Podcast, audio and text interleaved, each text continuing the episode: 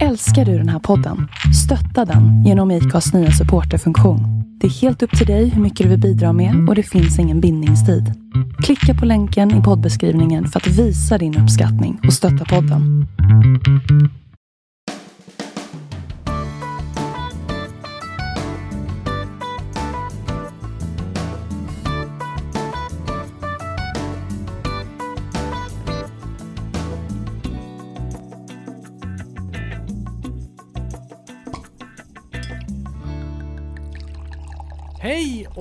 Varmt välkomna ska ni vara till podden Tycker om drycker. Podden där vi nördar ner oss ordentligt i allt som rör drycker, men kanske framförallt vin egentligen. Eh, jag heter Andreas och vid min sida så har jag ingen mindre än Sara sitter här bredvid dig idag. och eh, ja, det är vi som kommer att driva den här podcasten egentligen gen- för det mesta. Och eh, vem är Sara då? Jo, Sara. Eh, jag är en vanlig student som egentligen eh, har ett väldigt stort intresse för mat och vin. Speciellt i kombination. Eh, och jag kommer vara med i den här podcasten och gästa eh, några gånger. Men sen kommer vi också ha andra gäster här som pratar om sina erfarenheter.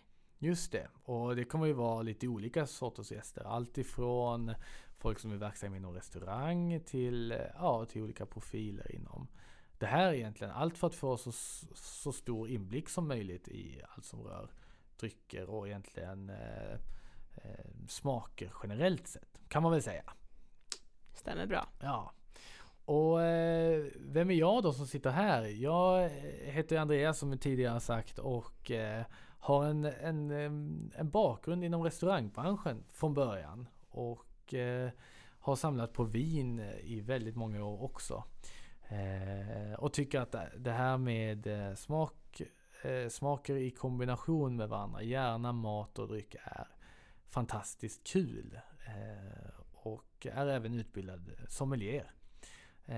Och jag kommer vara här varje gång och kommer att hålla i stora delar utav allt som rör podden.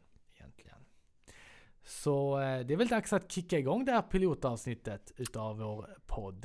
Eh, Det tycker jag vi gör. så vi kör väl igång? Yes. Då kör vi!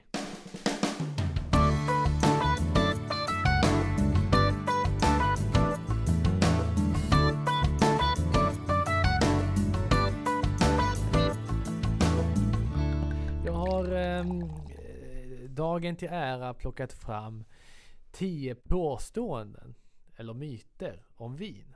Mm. Och eh, jag har suttit och, och googlat runt och hittat på, på en mängd olika sidor. Eh, så jag tänkte vi ska gå igenom dem. Och, eh, och, och, och se eh, vilka som stämmer och vilka som inte stämmer. Kul. Eh, ja, jag tror det. Jag hoppas det. Vi- Det blir spännande där. Ja, vi testar. Ja. Om vi tar påstående nummer ett då.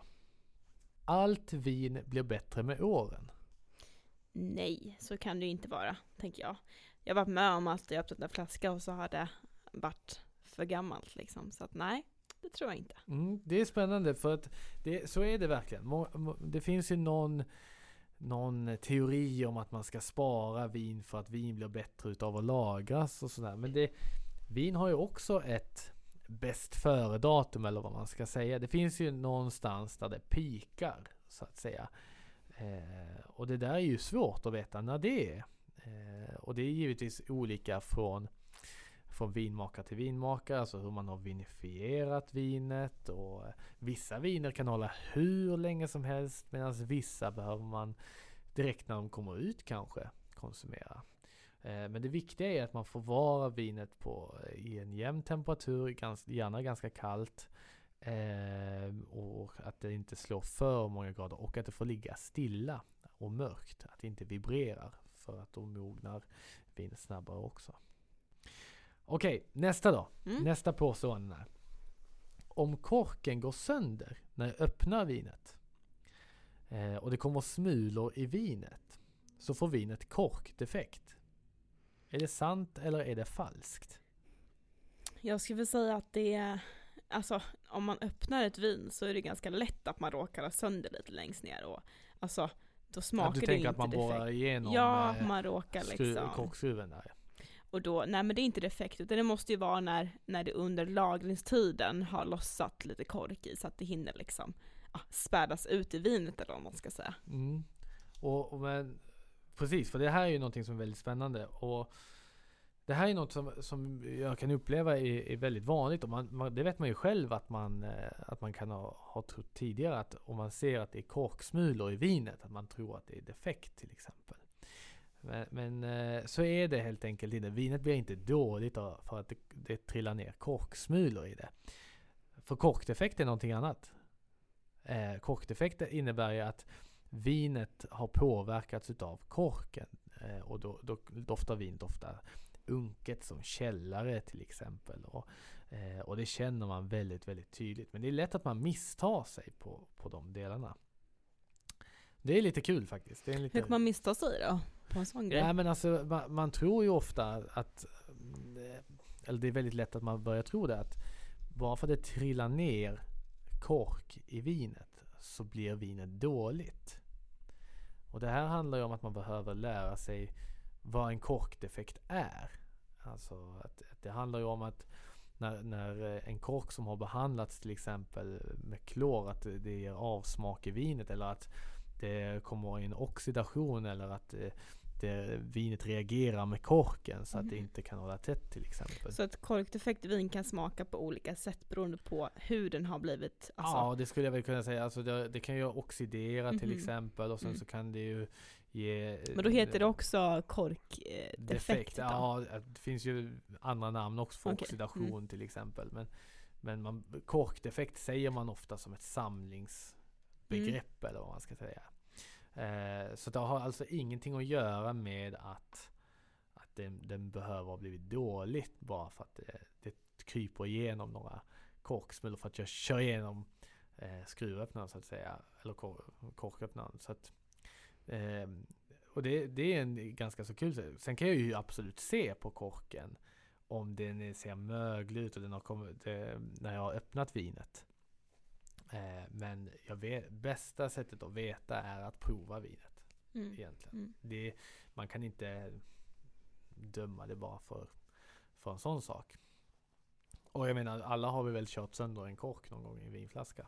Men det är lätt hänt. Så är det. Eh, bra, vi går vidare. Mm. Kul ju!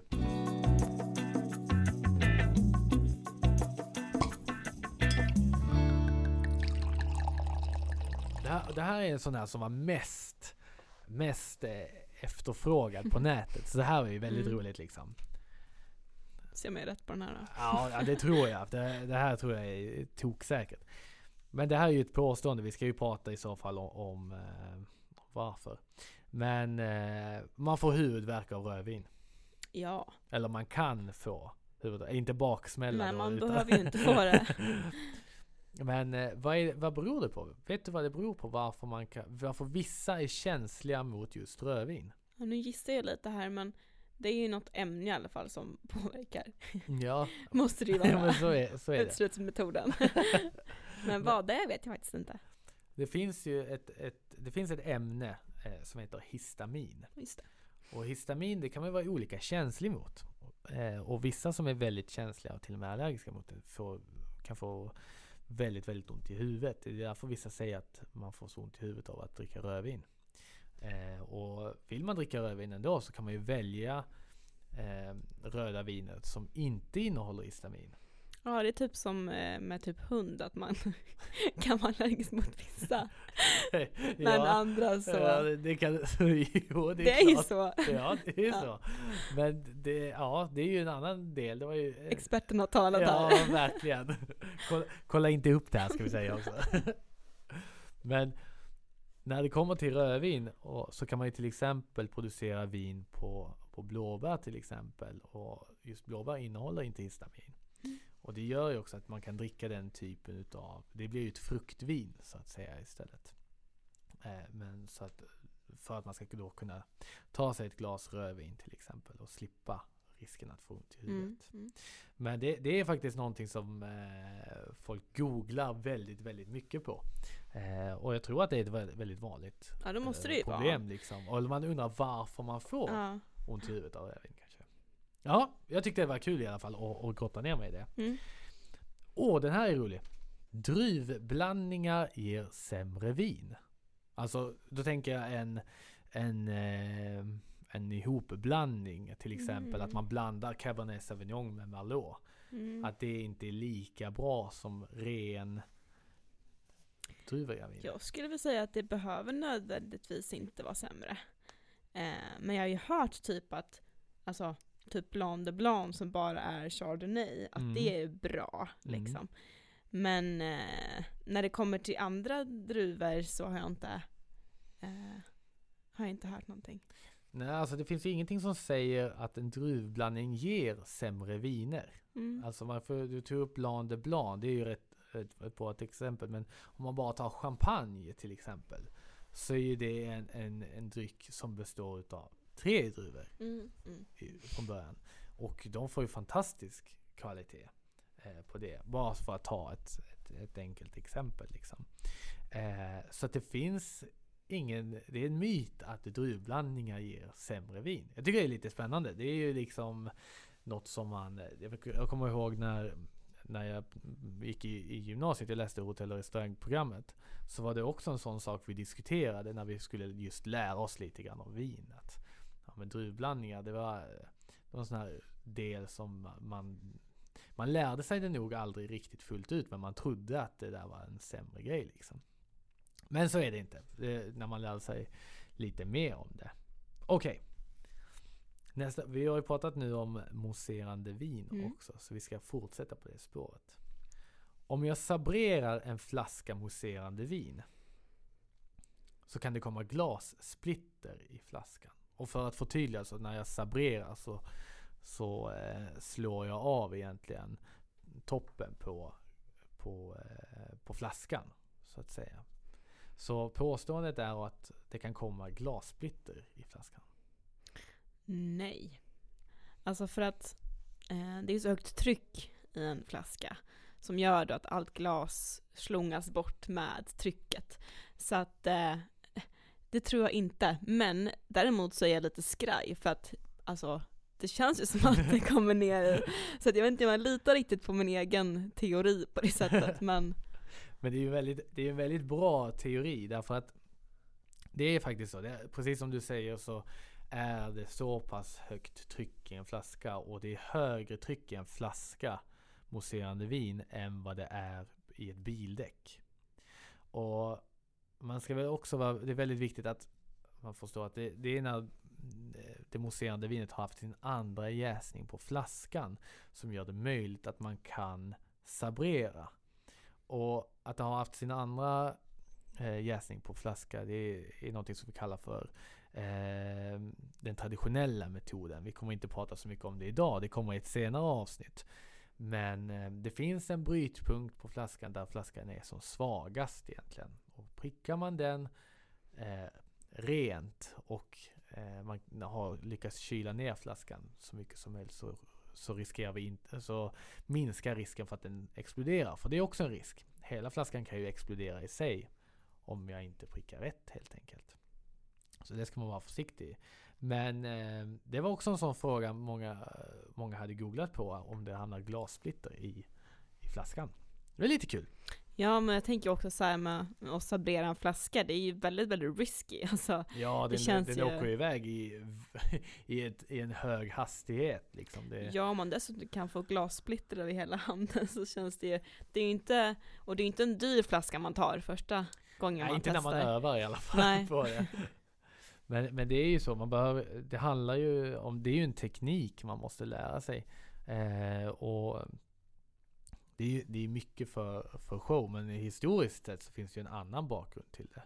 Eh, som också i sig är, är väldigt häftig om man går in på den. Mm. Eh, när man inte hade, hade möjlighet att öppna för hand så kunde man använda saven till exempel när man firade, när man kom hem från ett krig till exempel. Mm. Från en herrans massa år sedan. Och det gäller att pricka rätt för annars exploderade flaskan. Det kunde det göra av många anledningar på den tiden. Men så är det.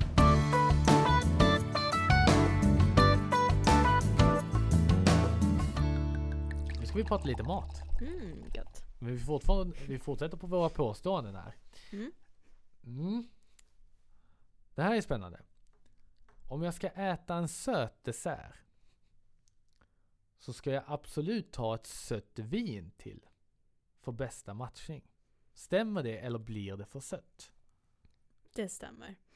Alltså, jag har ju, det finns ju en anledning till varför det heter dessertvin. Mm. Så kan man ju tänka. Ja, Och dessertviner är ju söta. Så att ja, det stämmer.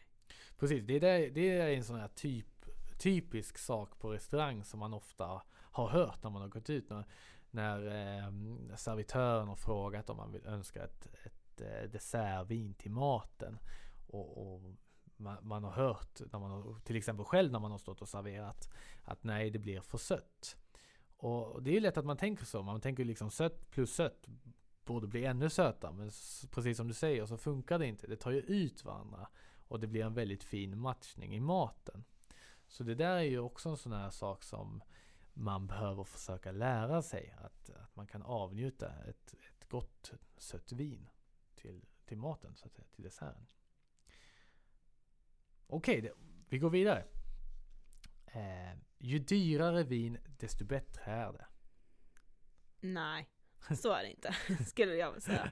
Men såklart att dyra viner är i bra kvalitet ofta, om man kommer upp i riktigt dyra prisklasser. Eh, generellt sett, men det finns ju också guldkorn som inte alls behöver kosta så mycket. Men så är det och det, det där är ju det är en ganska så självklar ekvation. Eh, att bara för att det är dyrare så behöver det inte vara bättre. Men det är också viktigt att, att veta vad det är man, man köper egentligen. Eh, man kan ju göra riktiga fynd och riktiga kap också. Eh, så att, eh, men det är spännande. Sen så när man kommer upp i, vissa delar så betalar man lite för, för namnet, vem det är, vilken gård det är som producerar och sådana saker. Eller vilken klassificering det har till exempel. Så det, det är ju en hel djungel egentligen. Där man behöver Mm. lära sig. Man behöver egentligen grotta ner sig. Och det är svårt. Det är jättesvårt, tycker jag. Mm. Det, jag menar, även, om, även om jag är utbildad sommelier så, så är det ju många gånger som man eh, man har gått på nitar så att säga. Man har trott en sak och det har visat sig vara någonting annat. Men det man kan säga är att, att ju mer man, man läser på desto mer man försöker förstå i hur de faktiskt vinifierar vinet desto, desto lättare är det att, att hitta rätt. Men då ska man ha tiden till det också. Ja, precis. Och det här när man då ska ha ett gott vin och så tänker man nu ska jag satsa lite mer för att få det där så att det blir perfekt. Ja, Det finns ju inget tråkigare än att komma hem och så smakar det bara platt liksom. nej, man har till köpt, maten. Precis, man har köpt ett tanninrikt Mm. vin och sen så äter man någonting som inte klarar av det till exempel. Eller, Ja, och tanninrikt då får vi säga, det är ju när det smakar sådär strävt ja, liksom. Det som du älskar, din, Ja. din absoluta favorittyp utav vin. Och det är ju perfekt till kött och ett bra tips kan jag Ja. säga. Precis, det kommer vi prata om också Yes. mer om senare. Och den här är, är också lite kul. Om jag öppnar en flaska vin så får vinet luftas. Om jag bara öppnar korken. Mhm, mm. Eh, alltså det är inte så stor öppning liksom, så det kommer väl ner lite luft, det tror jag. Men, men eh, det finns ju en anledning till varför man till exempel dekanterar ett Mm. vin. För då får det ju luftas ordentligt. Men så är det. Alltså, man... Vad ska man säga? Jag, jag, när, man, när man dekanterar vinet så öppnas för vinet en helt annan möjlighet till att öppnas upp i och med att man man häller över egentligen vinet från flaskan ner i en karaff och så gör man, ser man då till så att det inte kommer någon fällning i, om det nu finns en fällning i vinet. Eh, men framförallt så är det för att vinet ska få möjlighet att öppna upp sig. Alltså precis som luftningen är till för. Eh, och det är ju en, man kan ju testa vid något tillfälle om man vill och testa och, och dekantera ett vin, lite utav vinet och bara hälla upp vinet i, ett glas rakt upp och ner och se om det smakar annorlunda. Ja, Vi har ju testat det till exempel några gånger. Ja, och man kan ju, om man inte har en karaff kan man ju ta någon, någon tillbringare av något slag, Ja. så att det får lite luft bara. Och Det sen är det som eh, är det viktiga. testa. Det eh, måste, inte vara, det måste inte vara någon fancy fancy liksom. Utan så länge Nej. man kan lufta vinet så att säga. Ja, du, du har ju, eh, vi har ju pratat om sådana här saker tidigare. Så det Ja, jag är lite inskolad i det här redan. Vi, vi har bara två kvar. Så Mm. det, det här, eh, det går ju, det, det är kul att vi kan prata lite grann om, om varje del också, om varför tycker jag. Det tycker jag är viktigt.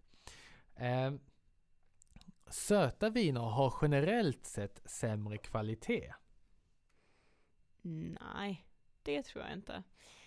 Typ portvin till exempel är ju väldigt sött. Ja. Eh, och det har man ju hört har bra kvalitet. Mm. Eh, ja men det är mina tankar. Jag vet inte riktigt vad. Alltså mycket, Vad det, det som det här påståendet grundar sig mycket om, Mm. eller den här myten eller vad man ska säga. Eh, det kan vi också man säga, det är falskt. socker eller? Ja, Eller- det är ju olika metoder beroende på vad det är Okej. ifrån liksom. Men man kan ju man kan ju göra, det beror på vad som är tillåtet enligt vissa lagar och regler. Men det man kan säga generellt sett är att det ligger mycket i att man, eh, i det här påståendet som jag då hittade, ehm, att eh, det är det man lär sig dricka. Alltså man lär sig dricka något som är lite halvsött eller eh, halvblaskigt eller Sådär så här- sällskapsdricka Ja, liksom på Ja men typiskt liksom. Det, det, förmingel. ja, det Ja. första vinet man lär sig dricka till exempel. Och att man har sagt att det har samma kvalitet. Och det stämmer ju inte utan det har ju helt att göra med hur man har vinifierat det Mm. till exempel. Vi kommer ju ofta tillbaka och vinifierat betyder ju hur man har tagit hand om vinet och ska, för att skapa vinet. Man, det finns ju halvtorra Riesling till exempel eller eh, som är helt fantastiska. Och, eh, så man kan inte säga att söta viner har sämre kvalitet. Det kan ju också ha med mognadsgraden att göra. Kommer vinet från ett varmt land Mm, till exempel så mognar ju druvorna Mm. på ett annat sätt till exempel. Och då blir ju inte syran lika hög. Eftersom att det, har, det kommer in mer. Eh, det finns oftast mer socker och låter man det gå ännu längre så, så kan man ju till och med göra ice wine till exempel. Eller, eh, det Vad kan, är Ice Wine för Ice wine är när, när man låter druvorna frysa till exempel på vintern. Och, och då när man gör första pressningen så kommer ju bara den här söta Mhm. musten ut till, Mm. och sådana här saker. Så att det finns fantastiskt höga kvaliteter på söta viner Mm. också. Så man kan inte säga att bara för att det är lite halvsött så är det sämre kvalitet. Sen beror det givetvis på vilken typ av flaska man får. Men så är det ju om Såklart. det är ett, Mm. om det är ett eh, torrt vin också. Mm. Mm. Såklart. Okej, sista då. Den här eh, har jag ju verkligen haft som en eh, där jag inte tror att du har hört tidigare. Oh. Faktiskt. Mm. Om vinet har skruvkork eller vanlig kork Mm. spelar ingen roll när det kommer till kvaliteten på vinet. Är det sant eller falskt? Alltså spontant så tänker jag att en vanlig kork är Alltså det är ju levande material, att det på något sätt skulle bevara vinet på ett annat sätt. Men samtidigt så refererar jag ju till mina tidigare erfarenheter när jag har varit och handlat vin, att billigare vin ofta kan ha en skruvkork, Just tycker det, ja. jag. Och, och sen när jag köper ett dyrare vin, att det nästan alltid är en vanlig kork. Mm. Eh, så jag vet inte riktigt faktiskt hur det ligger till med det. Ja, Det här är ju en, ett, ett påstående som hänger lite grann i luften. Mm. Alltså Det man kan säga är väl att det finns för och nackdelar med bägge. För precis som du säger så är ju kork i sig ett levande material. Det kommer ju Mm. liksom, det är ju från, från bark i, av träd så att säga. Av korkek egentligen. Eh, och, men sen behandlas ju det. Det klorbehandlas ju för att man ska kunna använda det. Det är också det som påverkar en hel del.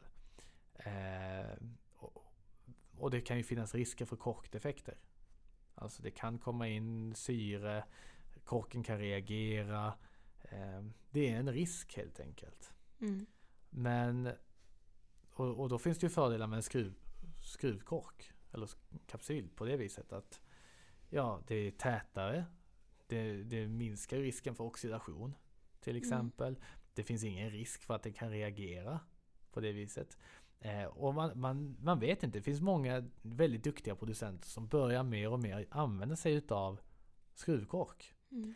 Så, eh, men sen beror det ju också på vad man har för kultur. Vill man göra så som man alltid har gjort? Mycket i vinvärlden bygger ju på historia. Alltså, Mm. så Mycket här- traditionellt mycket liksom, hur man har gjort Ja, genom precis. tiderna. Har jag använt kork på ett visst sätt så vill jag fortsätta använda den. Jag vill inte byta. Mm. Eh, eller samma sak med vilken, vilken typ av etikett eller hur vi vinifierar någonting. Alltså Mm. eh, hur vi framställer det helt enkelt till vår Precis. färdiga produkt. Mm. Ja, visst var det kluriga frågor? Ja, eller lite, påståenden? ja, det var klurigt. ja. Vissa av dem hade jag ändå lite koll på Ja, tycker det, jag. jag tycker du hade jättebra koll på det. Men det, är- det är ju det här som är Det är så lätt att man fastnar i påståenden Mm. innan man tar sig vidare. Mm. Helt enkelt. Ja, men jag tycker du gjorde det här jättebra. Tack. Ja, kul! Då har det blivit dags för vår nästa del Yes. i den här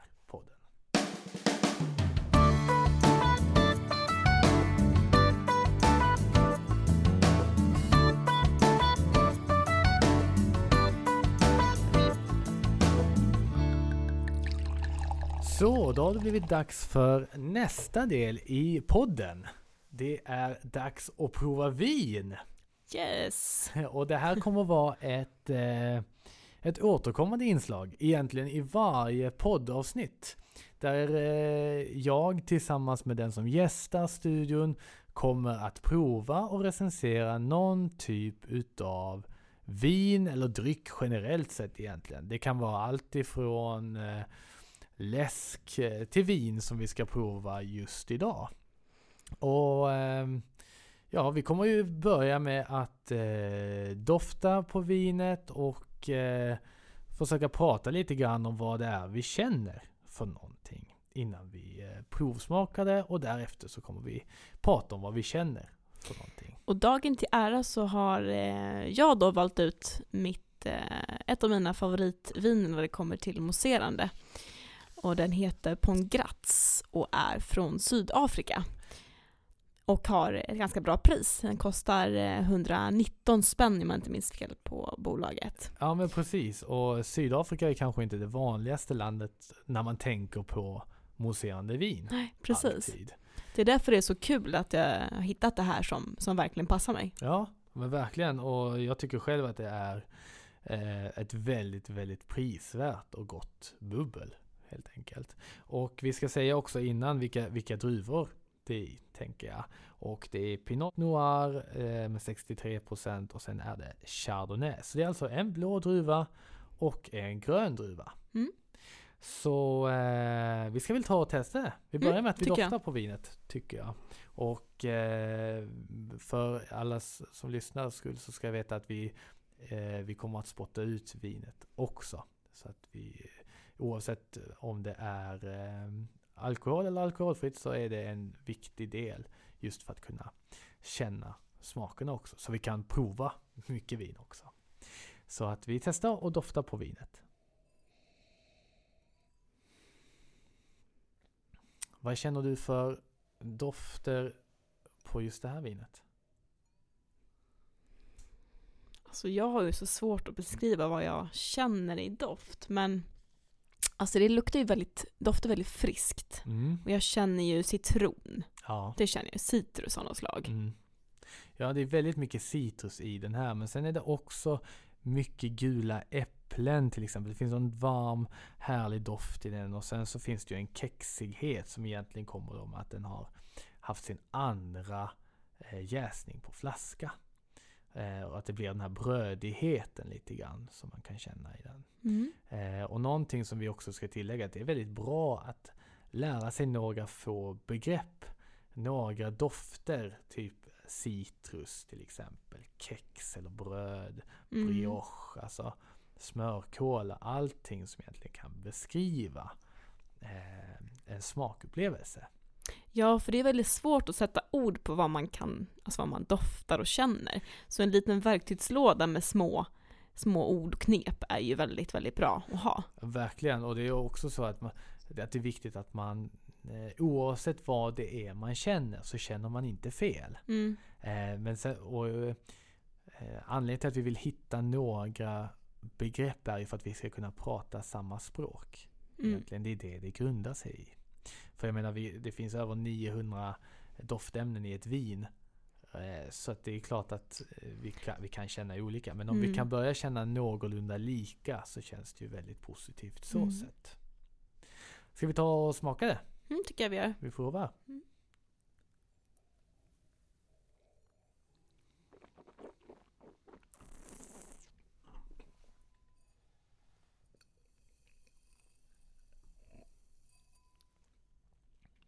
Fantastiskt gott Mm. är det. Det är Och väldigt friskt. Det är väldigt friskt. Det är en hög syra i vinet och man känner verkligen hur det drar i kinderna. Mm.